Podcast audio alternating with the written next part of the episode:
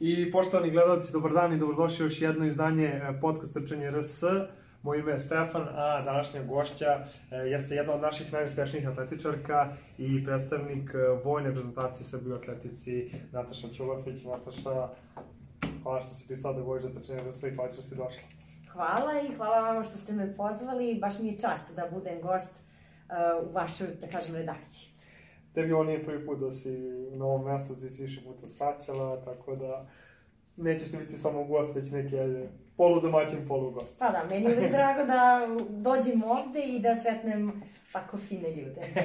hvala, hvala sam vam tebi, hvalimo ti da si to tako u nedokled. E, ali da mi sad malo se osvrnemo uh, na to ko je Nataša, čime se ona bavi, zbog čega ona postala uh, jedna bitna ličnost u trčanju, pre svega u Srbiji i šire od toga. Uh, ono što moram prvo da prokomentarišem, jeste sam se ja stvarno oduševio i mnogo mi je drago što si promenila boje, što si postala malo crveno-bela. to ti nisam rekao da ću, da, da, da ću te ovako javno da. ovaj pohvaliti, ali jel uopšte smeš da pričaš tome šta se tu desilo? E, ajde da nam kažeš onda što se desilo tako dobro odmah. Ovako, ja sam 23 godine uh, bila u atletskom klubu Partizan i ovaj, desilo su se neke stvari u klubu, uh, promene na čelnim mestima i prosto su svi treneri napustili klub i otišli su u atletski klub Crvena zvezda kao najbolji i najtrofejniji atletski klub. I ja sam u tom trenutku mogla da biram da li da idem i ja u Crvenu zvezdu ili da idem u neki drugi klub. Uh mhm. -huh. Ali pošto je to najbolji trenutno klub, nekako uh, mislim da je ispravna odluka da i ja odem u najbolji klub, zato što uh, ima mesta naravno za te sve discipline, a i velika mi je čast i ukazana mi je čast od njihove strane da žele da me prihvate kao člana i da se takmičim u dugim e, prugama i naravno u učnim trkama. A reci mi, kako, kako, kako je situacija, vlada veliko rivalstvo u atletici između dva velika kluba, kao u ostalim sport, na primjer futbol, košarka, ili ne. je tu mnogo ne, ne. popuštenija i ne vlada, bolje zdravije priče? Ne vlada uopšte rivalstvo, ja mislim, u svemu tome. Više su to neki ovako međusobni rivaliteti, ali taj međusobni rivalitet je sve stvar osobe do osobe. Ono, nekako atletika je baš borba sami sa sobom, ljudi koji su ti konkurencije ti pomažu da dođeš do najboljeg cilja, tako da ako tako postaviš stvari, onda nema rivaliteta, da kažem, negativnog, nego samo pozitivnog. Ono zdravog sportskog. Zdravog sportskog, ali opet kažem, to je sve od osobe do osobe. Dobro, Nataša, nadam se ćeš ovaj to crno-bele boje nositi još dugo, dugo, dugo vremena. E, ajde da se osvrnemo malo na to u stvari ko si ti i koji su to tvoji rezultati i dopreme da ti postaneš prepoznatljiva u svetu trčanja.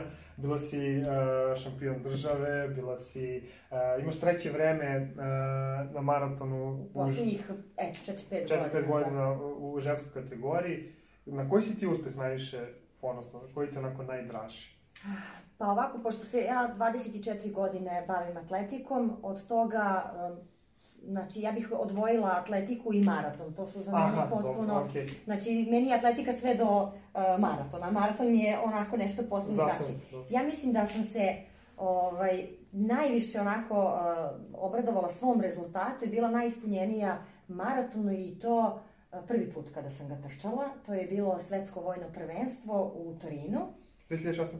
2016. Bila sam osma na Torinskom maratonu, uh, ujedno i osma na svetskom uh, vojnom i to je prvi put da je neka devojka iz um, uh, vojske Srbije i Jugoslavije uopšte ostvarila takav rezultat. I ja sam ga trčala 2.56. I baš zato što je prva trka i zato što uh, sam, ja sam se spremala za 2.59. Mm -hmm. I nekako imala sam veliku podršku svog trenera, radila sam onako vredno, unala sam sve svoje emocije u, u taj projekat, projekat da, da. koji me doveo do takvog lepog rezultata da sam ja to toliko emotivno doživela i to mi je eto možda najdraže.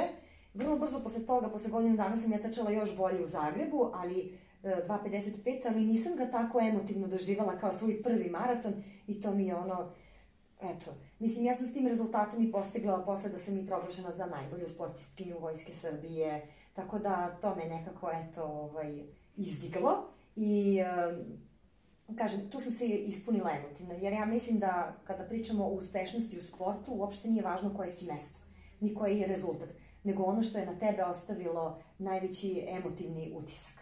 a to je upravo meni bila moja prva trka u maratonu i eto, to se dogodilo posle 20 godina treniranja. A koliko si se spremala dugo za taj maraton? Ovako, ja sam se spremala... Obzirom da si pre toga nisi trčala maraton. Ne, nisam trčala uopšte maraton i to je baš onako bilo uh, veliki izazov, ali ja sam se, mogu reći, i plašila.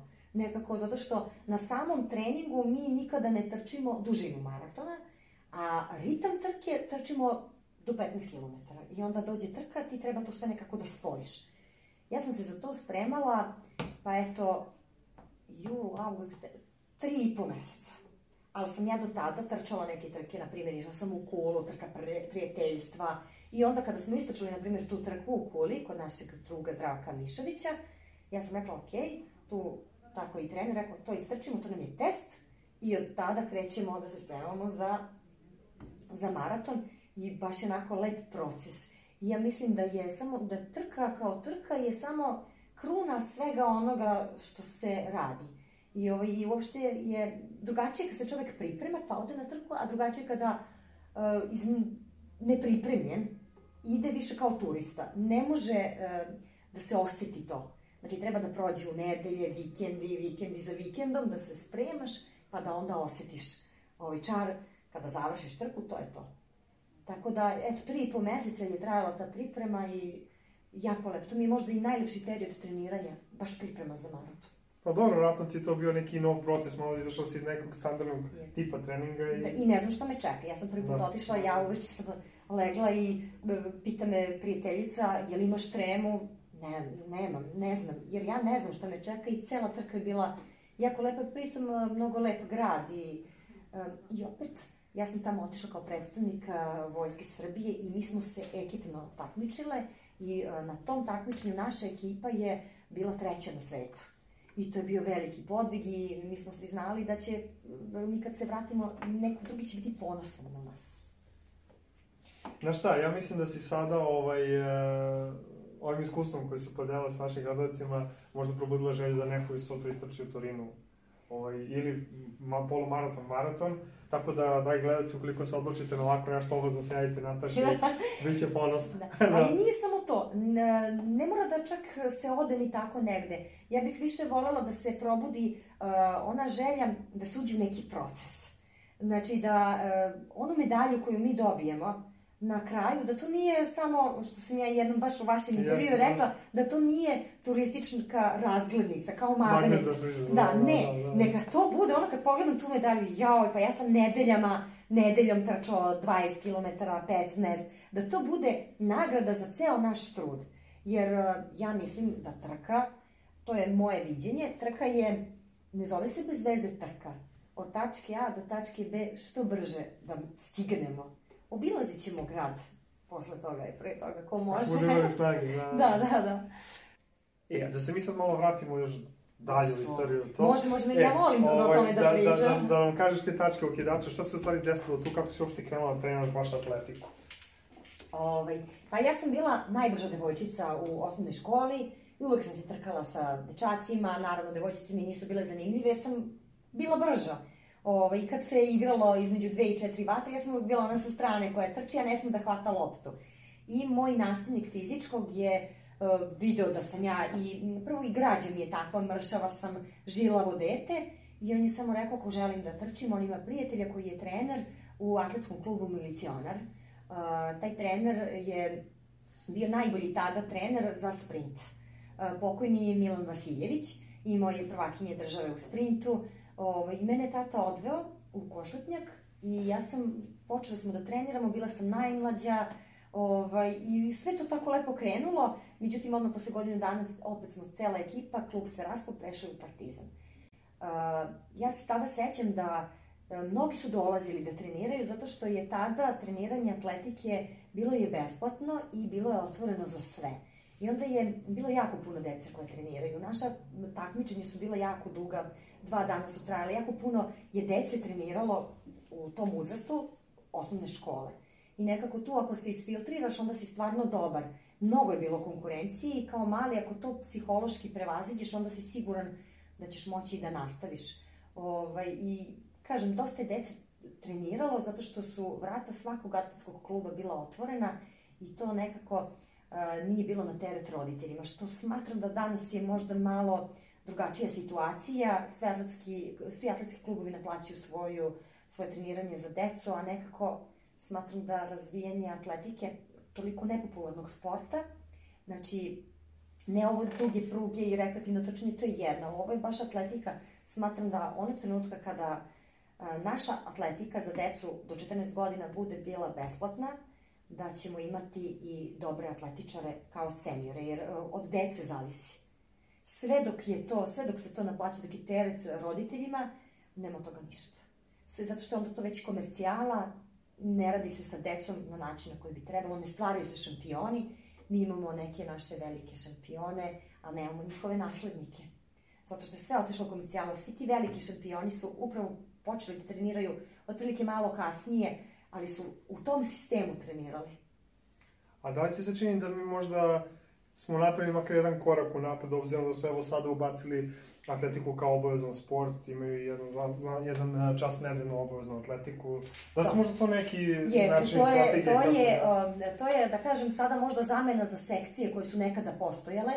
Ovaj, to je veliki napredak. I to bi trebalo da uspe i da se to forsira i da dođemo u situaciju da imamo i neke drugi sportove isto tako, jer nisu svi za atletiku i ne dopada se to svakome, ali to je velika stvar što je atletika ušla u škole i ovaj, ja se iskreno nadam da će to, da ćemo naći neke nove šampione, jer naše podneblje stvarno ima jako puno talenata.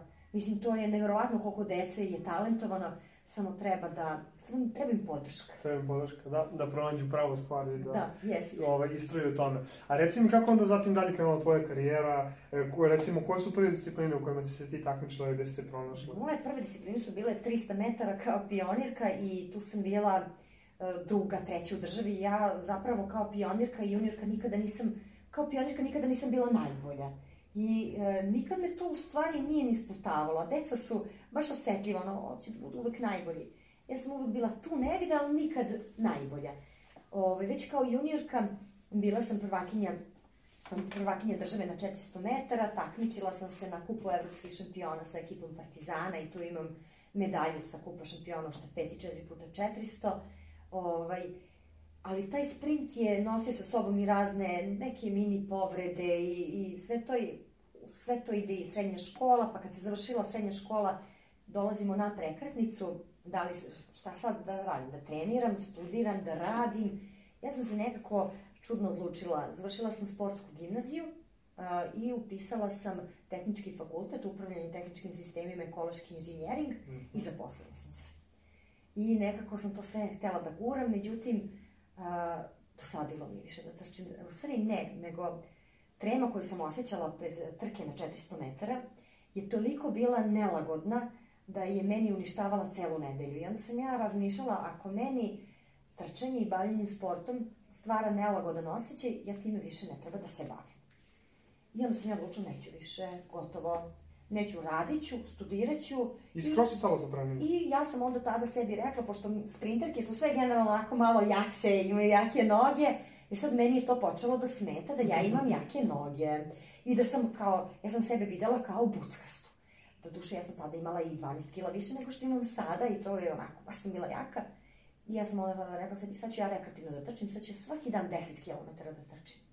I ja sam to krenula odmah da radim, međutim, meni se kilaž nije pomerala. Ja sam ono ušla u depresiju, ja pa šta sad, kako to, ja trčim 10 km, ništa se ne dešava, bukvalno ništa. I tako vrtim, i to sam sve na stadionu vrtela, jer u slučaju da crknem, da sam ja tu. Ja sam vrtela, vrtela i tu je tada bio jedan kondicijni trener i on je meni rekao, šta radiš to? Ja rekao, pa ja želim da smršam, vidi, debela sam, nikakva užas, ja ne mogu ovako. On kaže meni, prvo nisi debela, super si građena. Ja rekao, hoću da smršam. Imam 62 kg, hoću da smršam. Kaže meni, dođi ti sutra na trening. Ja sam došla, radili smo običan kondicijni trening. Ja sam počela da treniram neku kondiciju, neku opštu fizičku pripremu. Tada je došao da trenira svetski prvak u boksu, ja sam njemu tada bila uh, sparing partner u trčanju. To su mhm. toliko bili uh, treninzi fokusirani na njega i meni je bio veliki zadatak. Znači, on mora mene da prati u svim intervalima, u dužinama. Ja sam se, prosto sam prestala da razmišljam o svojoj kilaži, ona je sama krenula da pada. I jedan dan sam rekla svom tom treneru, rekao, slušaj, Beogradski maraton je, ja hoću da probam polumaraton. On je meni rekao, slušaj, nemoj, ja tebe poznajem, ti ćeš se u to zaljubiti. Ja sam rekla, pa znaš šta, ja sam bila sprinterka, ne pada mi na pamet da treniram polumaraton. Ja smatram da treba stvarno da si, da nisi baš normalan da trčiš polumaraton. Ja, ja to ne, ja samo hoću, mislim, ali to je baš glupost. Ja hoću sebi da dokažem da ja to mogu, a to je već inat, inat je negativna emocija, ne treba nikad ništa iz inata raditi. Tako ja ću sad da istračim polumaraton. On mi rekao, slušaj, pazi šta sam ti rekao. Rekao, ma daj, nema pojma, ja nema šanse to da trčim. I onda ja njemu kažem, a znaš si maratonci, pa to tek treba da si lud. U stvari, nije problem istračiti trku, nego zamisli koliko ti treba da budeš ludak to da treniraš. I on kao, vidjet ćemo. I ma, polumaraton, ja se pripremila. Stala ja u prvi red kao prva šampionka, nema, a osjećala sam se kao usijano đule, onako debela sva, už, mislim, za Ti, svoje... kaži nam koje godine je to, koji to bilo? To je bilo 2000, pa i 2009. možda. Mhm, mhm, Tako mhm, nešto. mhm. I startovala trka i ja, mene ponelo ono gomeri, ja nikad u životu nisam trčala trku sa toliko ljudi. Ja onako nemanjina, spuštam se nizbrdo, meni ide, meni super ide, ono nije ni peti kilometar. Meni noge lagane, ja idem, samo se sećam Vera i meni nije dobro. Ja rekao, gde si, pošla ti? Jedva sam se vratila. Branku most, psujem sebe, psujem sve, međutim, zadnjih 100 metara ja kao sprint. I kažem sebi, ma spremit ćeš se ti za ovo, pa ne zvala se ti Nataša. I stvarno, ja sam oporavila, ja već od tada sam krenula da razmišljam kako bi se spremala za polumaraton. Međutim, ajde, odlučila sam da se više time ne bavim, zato što želim da se posvetim i poslu i da se posvetim fakultetu i smatrala sam to kao racionalnu odluku. Međutim, ja sam posao promenila, zaposlila sam se u vojsci i tamo sam primetila, imam jako puno prijatelja koji se bave atletikom, da tamo postoji maratonska ekipa, odnosno ta atletska dugoprugaška ekipa. Ja sam videla ako budem bila polumaratonac, da ću ja moći da se takmičim za vojsku, da su tu, da su tu lepa druženja, da je to potpuno neka druga priča. I ja krenem da se spremam za polumaraton i ne znam, tad sam trčala 1.44, 1.45 i ono baš mi je bilo u glavi, ovo kad bi išla samo ispod 1.35, eto, tako sam nekako počela uz posao koji je 8 sati, nimalo lak, kao vojnik sam radila u gardi, u gardijskom bataljonu, sve moguće prijeme protokola smo radili, ja sam svaki dan išla na trening i eto, iz neke, da kažemo, rekreacije sam došla do toga i došla sam do najboljeg svog ostvarenja, eto, iz takve priče. Kad sam odustala od svega toga, eto, to me tako nateralo, odnosno i ljudi, i vrlo je važno to okruženje koje je bilo oko mene. I imala sam veliku podršku i verovali su u to, jer nema tu šta, samo ko je vredan i ima racionalan cilj, može da ostvari. E sad, obzirom da si navela da si postepeno povećavala dužinu i disciplinu u kojoj se takmičila i pošto sad stigla do maratona, da li, pošto si jednom odgovorila da ne želiš da ideš dalje, da li si možda promenila svoje mišljenje i da li bi možda otišla neku još dužu disciplinu kao što su ultramaratoni Ne. ili tako? Ne, definitivno Ne, mislim ovo da, je- da, da, da maraton je kraj. Maraton je kraj zato što, uh, pošto sam prošla sve moguće discipline kroz svoju karijeru, ja i dalje mislim da je mnogo teže trčati brzo, a kratko, nego dugo, a sporo. Uh, iz prostog razloga imam prijatelje ovaj, koji su odlični srednji prugaši. Ja smatram da je njima mnogo teže, uh, psihički i, i ne da Fizički, verovatno. fizički i verova, da, ovaj, nego ne podcenjujem ultramaraton, daleko od toga i tu imam velike prijatelje i, na primjer, meni je skyrunning nešto fantastično, nešto prelepo, ali ja sebe u tome ne vidim. Ali mislim da kada čovjek istrči maraton, da je poenta da proba da ga trči još brže. E, I opet smatram e, da mi svi imamo limit, I onda kad kažu nema limita, ima limita, jer ako nema limita, ja bi onda davno bila svetska prvakinja i moji prijatelji bi bili rekorderi sveta. Svi smo mi negde limitirani, samo bitno u kad ćeš i u kom periodu svojih godina da doživiš svoje najbolje ostvarenje. I kada si svestan da si ostvario ono svoje najbolje, treba da se zadržiš i da se malo spustiš i da onda uživaš u svemu tome. E, negde smo svi mi i limitirani i imamo, imamo granice. Znači, stvarno samo treba doći pametnim treningom do toga. A naravno, to ne može čovek sam. Tu zato postoje ljudi koji su se za to školovali, treneri, škole, koje nam pomažu da dođemo do svega toga, ali ultra nikada, ovaj, nikada, zato što, eto, zvanično i zato što uh, meni je, zbog same pripreme maratona, ja imam i hronične upale ahilovih tetiva, tako da ne bih, a i opet došla sam u neke godine kada ne želim baš da posvećujem uh, ceo, ceo dan svom treningu, jer smatram da postoje, posle 30. godine, postoje neke mnogo vrednije uh, stvari u našem životu, a da nam sport služi kao sredstvo koje nam ulepšava život i stvara nam kvalitetni život i da je to neki uh, životni stil koji se gradi, ali ne sme da bude ono najveći prioritet upravo taj rezultat u maratonu, jer ja ću za tebe, za sve nas biti maratonka trčala 3 sata, 2.50, 2.40, ali negde mora i na nekim drugim poljima u životu da se poradi, jer ja mislim da je to prioritet i pogotovo sada, ja imam 24 godine trčanja, ovaj, a 34 godine ja imam i nekako treba i o nekim drugim stvarima razmišljati, a ultramaraton zahteva veliku pripremu i kada bi se spremala za ultra, ne bi se spremala za neki uh, nizak nivo. Jer sam došla do nekog nivoa, bila i u maratonu i onda bih ja želela to da postignem i ultra. To je već dva treninga i sve ostalo.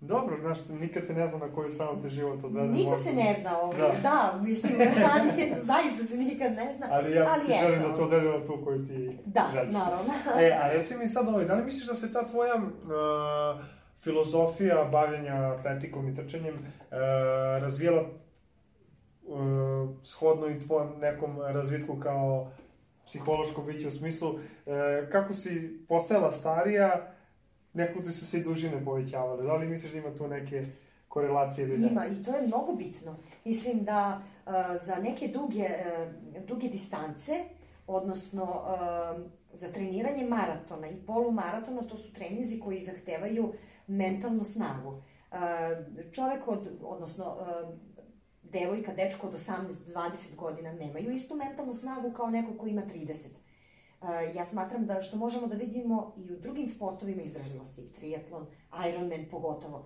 U Ironmanu nema mnogo mladih ljudi. Uh, maraton takođe isto. Ovaj, tako da ta neka mentalna snaga ovaj, dolazi sa godinama, a i iskustvo. Jer mi, pogotovo trkači koji su od malena, trkači, njima je svaki dan novo iskustvo, nova trka, ja imam jako puno trka, imam preko 700 trka i onda potpuno drugačiju imam percepciju kad treba da uđem u neki pripremni period. Za mene postoji pripremni period i postoji period oporavka i, i sezona, tako da sve to ide nekako sa svojim iskustvom. A opet, to dugogodišnje bavljenje sportom me je i kroz život ne, negde razvilo u smislu uh, kontrola emocija, jer uh, sport te mnogo čemu uči. Nije samo ono što steknemo i pokažemo na trci ja mislim da je sport u suštini ceo taj život. Upravo ono, uh, to je način življenja. Pa da li možda iskustvo može da se nazove to kako si se recimo ti opekla u tom prvom nastupu na Beogradskom maratonu, kad si nekako se, meni barem čini, tako potrošila prebrzo, nisi lepo raspodelila snagu, je li tako? Pa nije to bio problem. Ja sam uh, prvi maraton istračala i bio je 2.56. I sad ja sam ono... Ne, nisi baš u Beogradu. Da, da, e, sad, aha. ja sam onda uh, tako toliko bila srećna, ponesena svime time. Mene je konstantno trener govorio, stani Nataša, stani, smiri se, iskontroliši svoju emociju. Znači, to je, međutim, ne vredi. Ja sam žela 2.56, idemo 2.50, idemo 2.52 i međutim, treneri su pokazivali da ja ne mogu da idem odmah 2.50. I startovala je trka maratona u Beogradu, ja sam htela da idem isti rezultat. Znači da prođem iste te prolazne vremena. Međutim, ja sam imala i nekih, da kažemo, malih problemčića, to mi devojke znamo, ali sve to može da se prevaziđe. Ja sam, ali meni se nešto tu sa emocijama, ja sam to tako želela, kad je krenula trka, ja sam se osjećala već onako malo psihički, nemam taj osjećaj koji sam imala na prošloj trci, što je i nenormalno da se ima, ne može isto da se podnese. Da, novo iskustvo. Novo iskustvo, ja sam a, išla i ja sam sve vreme četvrta, peta, četvrta, četvrta, meni je već bilo teško na 30. kilometru sudije koji me poznaje, kaže Nataša, bravo, šta bravo, ja se raspadam, ja, ću, ja ne mogu da dođem k sebi koliko mi je teško na 30. a imamo još dugih 12. On je meni samo rekao, bravo, samo da znaš, crkinja ispred tebe je crkla. Ja rekao, pa dobro, mislim se u sebi, pa crkla sam i ja, mislim, a crkinju ne vidim, ja nju ne vidim, kako mogu da je stignem kad mi nije uopšte. Međutim, izlazimo kod Sava cent, uh, izlazimo kod Delta City, ja vidim nešto crno onako. I sada, mislim, ovo je sada smešno što ću reći, takve smo mi žene. Vidim ja crnkinju, ja rekao, hm, sad ću ja njoj da se približim i pogledam, rekao, pa nije neka zgodnica, ono, kao što svi crnkinje misle, sad je ona nešto čarovno zgodna. Ma kako, ja sam nju prešla, 34. 5. I meni je to tek bilo loše, jer ja sam nekako nju stigla i mislila sam da sam ja posao završila. A mene posao tek čeka, treba da završim trku. Branko, most. Ja sam ušla u cilj, nije sam se tu ne svestila i to mi je toliko bilo teško. To mi je, to mi je najteža trka ikada, jer ja bukvalno uh, ne pom, ja na Brankovom mostu ja se ne pomeram. Ja imam osjećaj da ga ja prelazim 3 sata. I ja sam ušla u cilj 3.02, ja sam toliko bila razočarana. Ja sam bila, razo, ja sam plakala. I onda, prošle dva, tri dana, ja sam sela i razmislila, pa čekaj, zašto podcenjuješ rezultat 3 sata? Zašto? Pa ti imaš 2.56. To je opet jako blizu tvog eh, ličnog rekorda kad pogledamo u sekundama po kilometru. Nemoj da si toliko sada ono, pod, imaš jednu trku maraton i sad ti podcenjuješ 3 sata, pa nisi ti sad nivo 2.30, pa kao šta 3 sata? I 3 sata je ozbiljna trka, i 3.05 je ozbiljna, i 3.10. I onda ta trka me je naučila da kogod istrači maraton, i 3.30, 4, 5, i najteža ono što trče 5-6 sati, to mora da se poštuje. Ta muka mora da se poštuje i niči znoj nije jeftin. Zaista, ono, to je takva škola bila, uh, to, te tako, to me je tako spustilo i rekao daj, smiri se, moraš da budeš prisebna, nemaš ti iskustva, moraš mnogo da radiš, moraš mnogo da radiš na mentalnoj snazi, da na meditaciji, na nekim tako stvarima i da se fokusiraš isključivo na sebe. Nikako na druge, na, na tu neku želju da se ti dokažeš da ne sme nikako inat u sve u tome da proradi. Moraš da si baš onako da voliš to što radiš. I onda sam se lepo polako smirila, otišla u Zagreb i istračala lični rekord. E, obzirom da smo malo uh, zagrebali po tvojoj atletskoj karijeri, uh, ajde da nam kažeš sad, obzirom da na svakog vjerojatno uticala ova situacija koja se dešava bez nekoliko meseci, E, kako se to odrazilo kod tebe i kod tvojih prijatelja, od hoću kažem kod profesionalnih sportista, sada kada nema trka, većini sponzori otkazuju, kako ste se vi snašli u toj situaciji? Da li si negde malo prispitala sebe, koje su tvoje motivacije za trening i...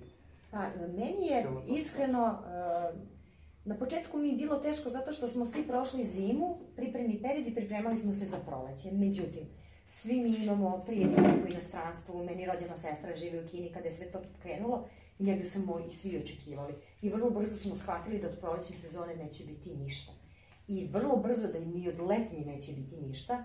I onda nekako ja vidim kroz razgovor sa svojim prijateljima, baš trkačima, da tu i nema nekih problema. Mi smo samo, nismo podizali formu, ostali smo na nekom baznom treningu i uh, pogotovo kada, je, uh, kad su bili oni policijski sati, najvažnija stvar po meni, za mene je bilo da uh, zadržim rutinu. Znači, to je svaki, svaki dan je moralo da bude neki trening.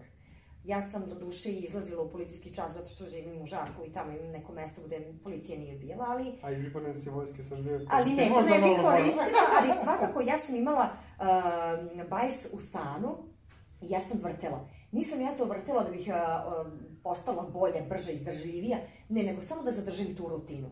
I smatram da je to bila najvažnija stvar svakog sportiste, šta god da se dešava, da se zadrži rutina. Jer kad se ispadne iz rutine, teško je. Ovako kad održavaš rutinu, pa čak bilo je jako puno programa na Instagramu profila, jako puno sportista je držalo um, live treninge i to je nekako navodilo te na to da zadržavaš svoju rutinu. Znači, ja sam zadržala rutinu treniranja, spavanja, ishrane, sve kao da se ništa ne dešava. Generalno, što se samih trka tiče, pa šta ako nema trke, mislim da uh, ništa se strašno nije dogodilo. Nema trke, pa nema. Milion, milion stvari utiče nekada da ne odeš na neku trku, pa nisi tužan. Uopšte nije kraj sveta. I, e sad, to je kod profesionalnih sportista, dosta sam primetila, pošto imam jako puno prijatelja koji se bave rekreativno trčanjem i sve, kod nekih je to izazvalo ono da će prestati da trče, ali to po meni je potpuno neispravno i to smatram da su to instant trkači.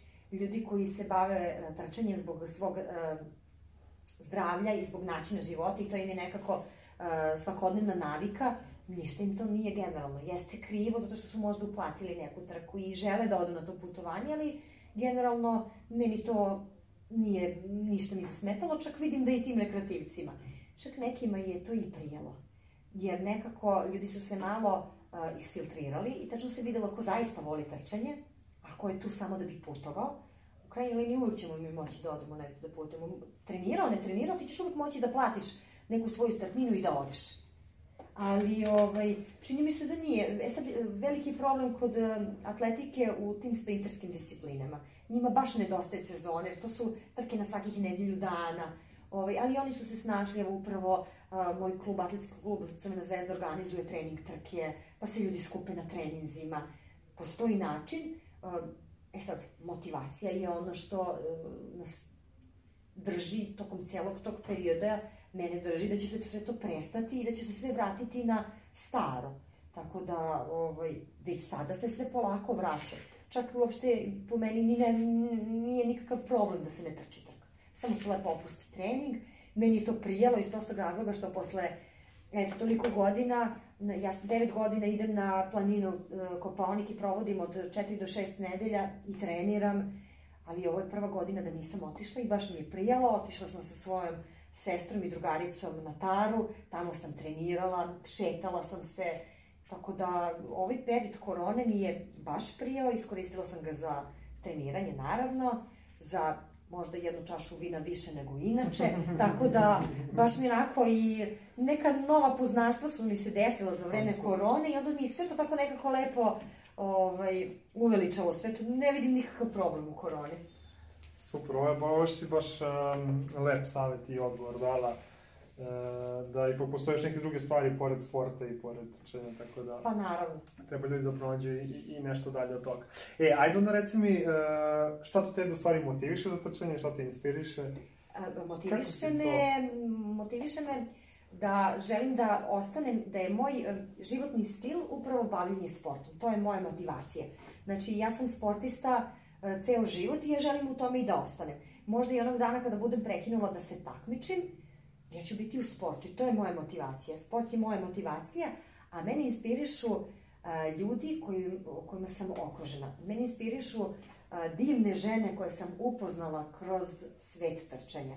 I to su većinom žene koje sam upoznala kroz rekreativno trčanje. To su divne, uspešne žene u svom poslu, uh, majke, I toliko su samodisciplinovane. I onda ja kada, eto, ujutro se probudim, uđem na Instagram kao i svi što radimo i kada pogledam da su neke moje već prijateljice odradile svoj trening, otišle su na posao, ne može da, da me to ne inspiriše. Jer one postižu sve, tako da inspiraciju tražim u svojim prijateljima i u ljudima kojima sam okružena, u svojim sestrama, ali baš onako okruženje koje je oko mene u njima fenomenalno. Znači, nisu ti inspiracije samo uspešni ljudi u tvom segmentu, nego imaš prilike da malo sagledaš čak e, širu ljudi. Čak mi ljudi iz tog trkačkog sveta. Ja nisam nikada bila ideopoklonik. Uh mhm. -huh. Znači, nikad, ja nemam idola. Ja uopšte na taj način ne razmišljam. Mene inspirišu ljudi koji se bave nečim što vole i u tome su uspešni. I koji, pored svega toga, uspevaju da održe i svoju porodicu i svoj posao na visokom nivou. Pošto si nam sad ovako lepo ispričala a, kako tebe drugi inspirišu, e, da li si ti uopšte sasvim da ti inspirišeš drugi, motivišeš druge i na koji način misliš da ti to radiš? Pa... Um, ja mogu da ti olakšam malo? Mas... Isto si tako u intervju jednom rekla da to radiš tako što obučeš haljinu i štiklice i da je to već e, to je, to je za sestru i za svoje najbolje drugarice, Aha. pošto one non stop kukaju kako su im, nisu zategnute ruke i sve to, ali generalno ovako, ja mislim da postoji jedan krug ljudi koje ja inspirišem i to mi vrlo jasno pokazuju, a pogotovo to vidim kada odem na svoj trening na Adu i kada mi, na primjer, prođe grupa, možda čak i vaša grupa, pa kada mi dovoljno je što mi mahnu, što navijaju, što mi aplaudiraju, ja to vidim negde kao podršku meni, inspiraciju njima. Mm -hmm. I generalno kada želim da pričam sa uh, trkačima, početnicima ili već koji su u svemu tome, po meni ne treba da ih motiviše samo jedna trka, događaj, uh, da ih ne inspiriše dokazivanje sebi, dokazivanje drugima, nego treba da ih inspiriše i taj ceo proces i taj ceo život trkački, jer taj trkački život ti nameće uh, zdrave navike, koje su sada preko potrebne zbog cele ove situacije koja nas je zadesila i opet kroz taj trkački svet možemo da upoznamo jako puno kvalitetnih ljudi, slični nama, jer nikad se ne zna kako, na kakvu ćemo osobu naleteti. I ljudi koji kreću sa trčanjem, obično su negde i plašljivi, ali oni treba da ukapiraju da ako pristupe nekoj grupi ili ako krenu sami, ali bolje je uvijek u grupi da nisu jedini, da postoje ljudi koji su iz istih razloga došli tu da uh, svoj stil života obogate. I ja mislim da je negde tu treba da tražu, traže motiv, inspiraciju da svoj život ulepšavaju tim nekim novim procesom, a to je trčanje. Jer nije samo trka. Šta je to, zadesila nas i korona, nema trka, šta treba da ne, ne trčimo. A u stvari, e, trčanje je stil života. Eto, to je negde, ovaj, i mnogo je lepo i ja znam mnogi ljudi koji su bili protivnici trčanja, a sada su najveći zaljubljenici. Ovaj, baš, ja sam imala situaciju sada, kada sam bila na Tari, trčala sam jednom šumom i meni su u susret naišle tri žene koji su mi samo aplaudirale i rekle bravo carice. To je dan kada sam ja bila užasno nešto i teška i nije mi se trčalo, ali ja nikad ne dozvoljavam da nešto što sam navikla propustim zato što mi je teško. Ja sam na njih naletela i videla sam podršku i oni su same izašle da se rekreiraju, da brzo hodaju. Ja sam onda pomislila, pa to je, to je super. Mislim, oni su mene napumpale pozitivnom energijom. Onda sam kasnije kapirala da su one i jesu, mislim, članice BRC, da one mene u suštini znaju sa Ade. I onda meni je tako nekako ulepšali su mi jutro. I oni su mi onako tog jutra došle kao neko sunce. I onda, em su meni pomogle, a negde sam možda i ja njih, ono, ovaj, isto videli su da sam i ja tu, mi se znamo. Tako da nekako treba da bude motivacija za, za, za trkače taj neki lepi stil života, da ta trkačka zajednica je nešto divno što je, mi imamo trenutno u gradu i da imamo stvarno jako puno trkača koji se time bavi, koji mogu da prenesu svoje znanje. Nekako meni to sve a, baš lepo. Baš ovo, ja mislim da sam kroz razgovor jednom i rekla da ja uh, znam početak nekih trkačkih grupa kada nije bilo mhm. puno ljudi, sada cela Ada trči. Je ti zadovoljna situacijom rekreativnog trčanja u Srbiji ili misliš da bi trebalo da ide na još viši nivo? Pa, e, ići će na viši Ide. nivo i sve ide tako da će ići na viši nivo, ne možemo da budemo, ne možemo da budemo mnogo strogi. Uh, pre 10 godina je bilo, bilo je jako malo, tačnije bilo je desetak trkača koji su dolazili samostalno na Adu do trča, a sada imamo jako puno i trkačkih grupa koji to vrlo dobro i kvalitetno rade, imamo jako puno ljudi koji to žele i više nije, više nije glupo izaći napolje i trčati. Više se to ne komentariše kao nešto negativno, nego kao nešto vrlo pozitivno. Ma šta god ljude motivisalo. Neki ljude motiviše skupa oprema. Ali nema veze, ako ga to motiviše, nema veze, on će biti aktivan. Neki motiviše trka, neki motiviše e, grupa. Neko nema prosto nema društvo i u tome svemu je našo i svoje društvo, svoju socijalizaciju. Tako da sve to treba podržati. Neka ljudi trče, nisu bitni razlozi. Ovaj, tako da ovo je meni e, baš dobar pokazatelj, a najveći pokazatelj mi je možda nisam pristrasna, možda jesam malo prema ovaj, e, vašoj organizaciji, Uh, ja mislim da je to bila biznis trka, nešto je bilo mnogo trkača. Na Adi možda. Na Adi nešto je, bilo biznis da. ran. E sada, uh, to je toliko fenomenalan pokret, zato što je pokrenuo ljudi iz kancelarije. Uvek će biti ekipa ljudi, rekretivaca koji trče zato što ono, ovo su pokrenuti ljudi iz kancelarije. To je nekako po meni neki aktivan team building, vrlo kratak, a vrlo uh, jeftin za kompanije. A mnogo se postiže, tako da sve to ide na bolje i mnogo je lep marketing se vodi oko tog celog trčanja i samo polako mislim da ako je 10 godina trebalo da se razvije jedna velika trkačka grupa, na primjer kao vaša, zašto ne bi za 10 bilo to još na višem nivou. Tako da ja, ja imam baš pozitivan stav u svemu tome. Tako da samo, samo neka trče ljudi, uopšte nije važno. Ove, ovaj, neko će se sa ovim svim sa mnom složiti, neko neće, ali i to je okej. Okay. Naravno, svi mi imamo svoje mišljenje, ali taj ko se ne slaže sa mnom, neka trči, nije važno.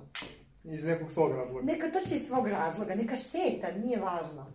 E, a, reci mi sad malo tvoje planove za dalje, u smislu, e, koja je recimo bila tvoja ciljna trka, da li se ona odložila u, u ovom periodu ili... Moja ciljna trka je bila na proleće da istrčim polumaraton, od toga nema ništa. Htela gde, sam... si znala već gde ili... Nisam, htela sam još da vidim, da. Uh, I htela sam da trčim prvenstvo države na putu, mm -hmm. uh, pošto sam ja još uvek prvakinja države na putu. Mm -hmm. o, htela sam naravno da trčim to i zbog kluba i zbog same sebe i to je odličan uh, test. Htela sam da trčim to državno prvenstvo, ono je odloženo za novembar, tako da ja mhm. ostavljam to za novembar. Ja sam svakako ovu godinu htela da pauziram sa maratonom. Aha. Tako da meni korona nije ništa specijalno pokvarila, jer eh, htela sam prosto da napravim pauzu jednu godinu sa maratonom zbog svojih eh, upaljenih ahilovih tetiva i eto malo da, malo da se uželim tog treninga, jer mnogo sam naporno trenirala, neke stvari su mi se izmenjale ovako generalno u privatnom planu mhm. -huh. i onda sam smatrala da treba da se malo i ja odmorim e, mentalno i fizički i ispalo je dobro što se baš taj odmor od maratona desio u godini kada je korona. Mm -hmm. Tako da neki planovi, eto samo novembar prvenstvo države na 10 km, ništa više i sledeća godina maraton. Ja znaš gde? E, ja bih volela Zagreb. Iako je to blizu mi je, ne menjam vremensku zonu, nema mnogo putovanja, nije veliki maraton, što je meni jako važno da nije veliki maraton. Ili Zagreb, ali pošto je Zagreb jesen, Rotterdam je možda jedan od baš dobrih maratona. Bila sam već u Rotterdamu, tako da znam, ovaj, tako da eto, možda ta dva maratona, vidjet ćemo još kako bude, kako se sve bude, jer ne možemo sad ništa još uvek unapred da planiramo, jer mnogo velika takmičenja, mnogo velike organizacije su otkazane, pa sad, eto, ja trenutno za maraton da uđem u neki veći trening treba tri meseca, tako da znaću valjda unapred.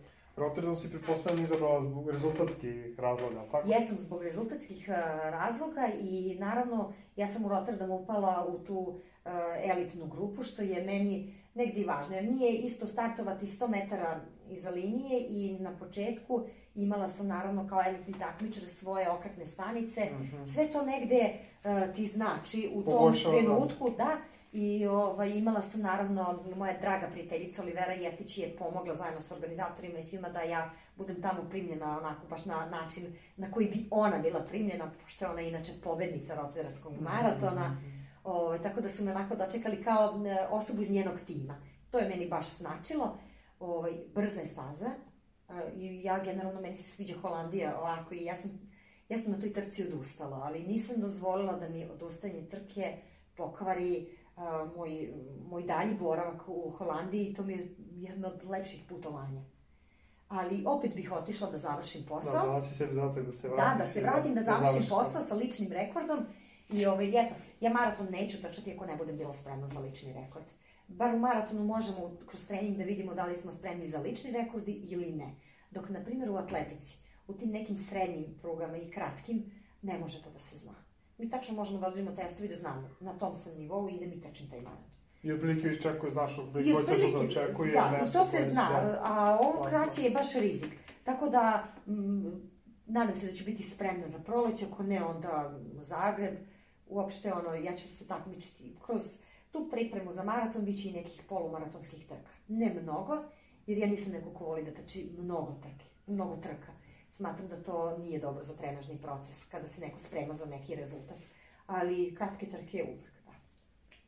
Eto, to je E, sad si spomenula da nikada ne bi trčala maraton ukoliko nisi spremna za lični rekord, a da li misliš da te možda kasnije u životu uh, čeka maraton koji ćeš trčati onako možda turistički više? Pa da. I da li imaš neki maraton koji ti onako, znači ne za ličnog rekorda, već ono maraton koji bi volao da, da, da posetiš i da učestvuješ? Ajde jedan ako možda izabereš. Pa to bi bio možda Chicago, Aha, znači. a generalno ja mislim da mi je najveća želja da odem da trčim u Valenciji. I to mm -hmm. iz jednog a, a, baš prostog razloga. A, jedna od najboljih mojih drugarica je, a, a, ona se bavi biciklizmom i ona je u Movistar timu mm -hmm. u Španiji i živi u Valenciji i nekako bih volala da odem kod nje, da je posetim i da obuhvatim i trku u Valenciji. I e, baš zato što je ona i zato što sam mnogo vezana za nju ovako i ona je sportista i isto mnogo se volimo kao drugarice, e, smatram da bi to bila lepa trka za mene, zato što bi to bilo lepo putovanje. A inače, da se vratim na ovu temu, da, na, e, Trčala bih maraton, e, kada bih znala da trčim lični rekord, to je kada pričamo o mom pripremnom periodu, o tom nekom takmičarskom e, životu. Ja kada budem prestala da se takmičim, ja ću trčati i trčat ću samo maratone. I uvek ću da radim te neke duge treninge i to, zato što a, se tako najlepše osjećam. I zato što kada treniram za maraton mogu da jedem koliko god hoću, ne gojim se i onda to će biti rekreacija za mene, da trčim maratone i uopšte neću tada razmišljati da li je mnogo da trčim u godini, dva, četiri ili pet maratona. Trčat ću kako mi, kako mi padne ono na pamet, ja ću trčati. I to će biti rekreacija za mene i uopšte me neće rezultat tada motivisati, nego ću da obilazim i da trčim i tako da uživat ću u svemu tom. Uživam ja i sada, ali eto. Ali sad će moći još koje čaša vina više, ali tako? Tako je. e, ajde reci mi, kako, kako alkohol utiče na, na, na, na tvoju fizičku spremnu i generalno na... Katastrofa. na Mislim, ja mislim da profesionalni sportisti ne bi smeli da dozvole uh, da dolaze u neke situacije da to bude alkoholisanje, ali uh, smatram da uh, neko dobro vino, povremeno, ne znam, uz neku dobru večeru, ručak Šta znači je- povremeno? Povremeno u mojoj situaciji znači dva, tri, dva puta nedeljno. Na primer, po, po čaša dve. Ali ovaj... Ako ujutro se ima neki ozbiljan trening ili mora se Ja, i primer, o toj... Ja, na primjer, uh, volim da popijem vino kada ne mogu uveče lepo da zaspim, na primjer, od Mhm. uh, Uzbuđenje. u- ili šta god. uzbuđenja ili, na primjer, od umora, Mhm. ali volim i kada je neka lepa večera da popijem čašu vina, smatram da to neće da mi naškodi. Mhm. Ovaj, I prosto ne vidim tu neki problem. Problem je kada se u to uđe malo više. Smatram da pivo nije dobro, pogotovo ne za žene, ali popijem i ja pivo, pogotovo leti kada završimo nedeljni dugački trening, volim da sa svojom ekipom sednem, popijem jedno pivo i to mi ništa ne škodi. Mhm. Ja smatram da su profesionalni sportisti, ja se uopšte ne smatram prvo profesionalnim sportistom, ja sam amater zato što ja ne živim od trčanja. Ja samo možda to svoje slobodno vreme malo kvalitetnije potrošim, imam možda malo više iskustva, pa se možda sam se zato i odvojila od eto, rekreativaca. Pa sam zato i amater. Ali ovaj, ja mislim da i profesionalni sportisti ovaj, najnormalnije žive. Ja imam prijatelji koji su e, na visokom nivou, oni na, najnormalnije jedu i e, popiju i malo i alkohola i sve to. Čak smatram da ljudi koji krenu rekreativno da se bave sportom, nebitno kojim, ako mnogo posvete pažnju ishrani, to se dešava, na primjer, kod nas, kod nas trkača, mnogo posvete pažnju ishrani. Oni se toliko fokusiraju na ishranu da izgube fokus zašto su uopšte krenuli da se bave sportom. I onda im se sve zasniva na toj ishrani, a zaborave da oni treba i da treniraju, da treba i da žive malo. Ne treba ništa da bude robija. Ishrana nije robija. Ishrana je toliko instinktivna, toliko je prirodna da čovjek mora da jede. Ne smemo da budemo gladni. Pritom, ovaj, ja sam baš pričala s jednim mojim prijateljima, on najnormalnije pojede picu, ja isto. Znači, to je, to je toliko normalno, nema tu mnogo filozofiranja. Pritom, ako redovno trenira i na pravi način trenira, ne može ni da se goji tek tako. Samo ne treba jesti otrove. I ako sebe hoću da počestim nekim dobrim slatkišom, pa neću da kupim noblice, ali ću da odem da pojedem u poslasti- poslastičnici neki dobar kolač. Ali nema, ne sme da bude ništa teror nad našom psihom, jer ja smatram ako ja tebe gledam da ti jedeš nešto, a ja za time patim, ja uopšte neću napredovati. I to kao čeličenje, sad ću ja da budem jača, ja ću da izdržim, neću da padnem u iskušenje. Pa ja time ne napredujem, ja patim za time. Nije stvar u tome. Mi treba da stvorimo potrebu kod nas samih da mi to, uopšte nemamo potrebu to da jedemo. Jer to meni ne donosi energiju, neću imati dovoljno e, ničega iz toga što si ti pojeo. Prosto to je za tebe, a to nije za mene. Prosto ne treba čovjek, ako ja patim za time, pa poješću. Neću da sebe dovodim u situaciju da meni bude žao što ja nisam pojela krofnu koju ti jedeš. Ja nekako na ishranu gledam na taj način i kada sam trenirala maraton, na, osnovna stvar je bila da ne smem ni jednog trenutka da budem gladna. Znači, mora da se unosi preko 3000 kalorija, mora da se jede. Dnevno. Da, da, da, da. Znači, mora da se jede, ali te kalorije ne smiju da budu iz bureka i čokolade, ali sve se jede. Mm, Ja podržavam sve načine ishrane i uopšte ljude ne delim na to da li su vegetarijanci, vegani ili ovako kao mi. E, Prosto, ja to pošlim. To je toliko intimna stvar i o takvim stvarima po meni mnogo ljudi pričaju o tome, a to je baš intimna stvar, jer mi treba da shvatimo da živimo u Srbiji, da mnogi se bude ujutru i vrlo rado bi jeli mm -hmm. uh, avokado, ne znam šta već, mm -hmm. a jedu možda pač hleba i džem, jer drugačije ne mogu. I onda degutantno je pričati ko šta i kako jede.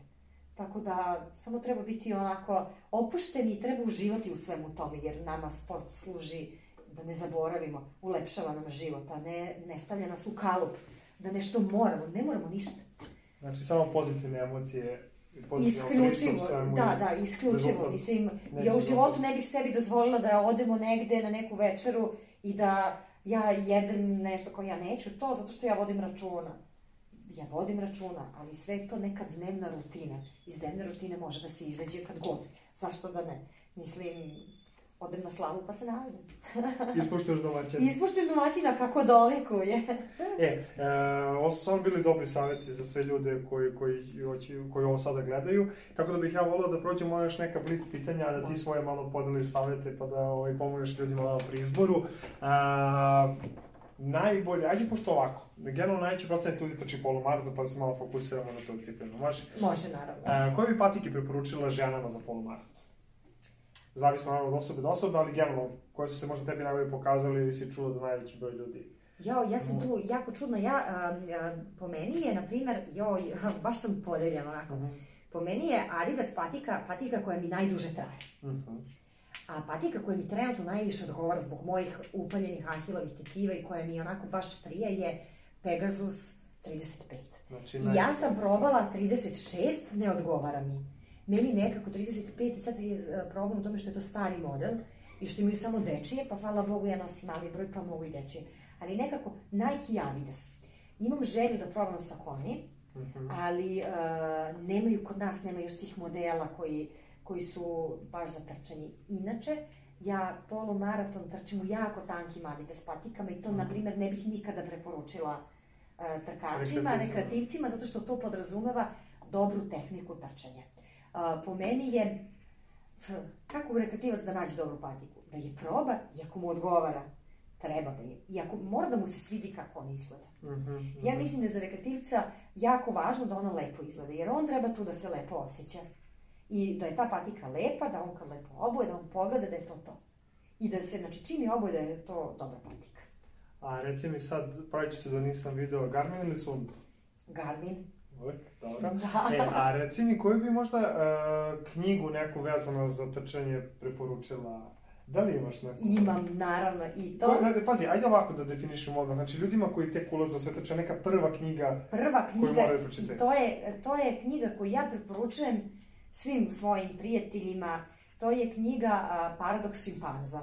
Dobro. Paradoks šimpanza napisuje uh, profesor doktor Steve Peters, Steve mm -hmm. Peters On je inače radio sa najboljim biciklistima Italije i olimpijcima u, Italiji, u biciklizmu i dovodio je bicikliste do medalje, naravno ne samo on, ceo tim, ali on je bio psihijatar, on nije psiholog, nije life coach, on je baš psihijatar i radio je sa biciklistima. Knjiga je takva da se nigde ne spomenje sport, ne, uopšte se ne spominje sport, ali kada je uzmete da je čitate, vi ćete sebe da nađete u svakom pasusu. A imaš još neku knjigu koju bi Imam, to je više ovako, uh, možda savjet, ja sam mnogo emotivna i smatram da ljudi koji ulažu emociju u sport i u to trčanje treba da, na primjer, pogotovo devojke, da nađu neku lepu uh, knjigu koja u njima budi lepu emociju. Da li je to neka ljubav, ljubavna knjiga, na primjer, meni je Mostovi okruga Madison. Znači, mhm. neka knjiga koja opet nema veze sa uh, sportom, ali koja u tebi budi neku lepu emociju. Prosto da se ti lepo osjećaš kada čitaš tu knjigu, jer na kraju tog dana u kome si odradio trening, uh, u kome si radio, mnogi od naših trkača, rekreativac imaju porodice, sve je to velika obaveza, da kada uveče uh, treba da legnu, kada pročitaju par stranica neke lepe knjige, koji njima budi lepu emociju, ja mislim da s tim mislima čovek i legni da spava i onda je sutra i dalje ispunjeniji i bogatiji za neku misao više. Tako da nekako mislim da su žene malo više emotivnije, pa eto. Ali Steve Peters je nešto što je ono, po meni, ta knjiga je meni, ja sam tu knjigu čitala pred svoj prvi maraton i onako baš sam baš sam je ritualno čitala kao meditaciju, bukvalno svaki dan sam je čitala i ja sam to sama sebi rekla da je to bila moja psihološka priprema pred ono što mene sleduje i ja sam i posle toga pročitala još tri puta. Hvala ti što si sve ove stvari podelila sa nama i ja se nadam, iskreno sam ubeđen da će svi ovi saveti pomoći našim ljudima da, koji ovo gledaju da naprave neki korak dalje i da budu bliži nekom svom cilju koji su zacrtali. A, videli ste da je uz osmočasovno radno vreme, uz dobru volju, trud, i lepo isplaniran program moguće e, stići do e, najviših ciljeva. E, ukoliko vam se ovi saveti obistine i daju pozitivan efekt na, na vaš život, ja vas molim da se Nataši zahvatite direktno uh, putem Instagrama, Facebooka i svih tih društvenih mreža gde možete naći Natašu, a naravno uh, i na samoj stazi gde je mnogo češće viđate. da, ja samo jedno da kažem, da. brzina je zaista relativna stvar i nemojte sebe nikada podceniti, jer brzina nije merilo uh, naše fizičke sposobnosti, zaista. Svako trči iz nekih svojih razloga, samo treba da volite i da trčite samo ako jedva čekate da odete na svoj trening. Ako vam to stvara neki problem i neku muku, idite na ples, idite na neki drugi sport, trčanje zaista mora da se voli pronađite onda aktivnost za sebe. hvala vama što ste gledali i naravno hvala Power Raidu koji je u stvari omogućio e, ovaj jedan intervju i vidimo se onda u nekom narednom izdanju.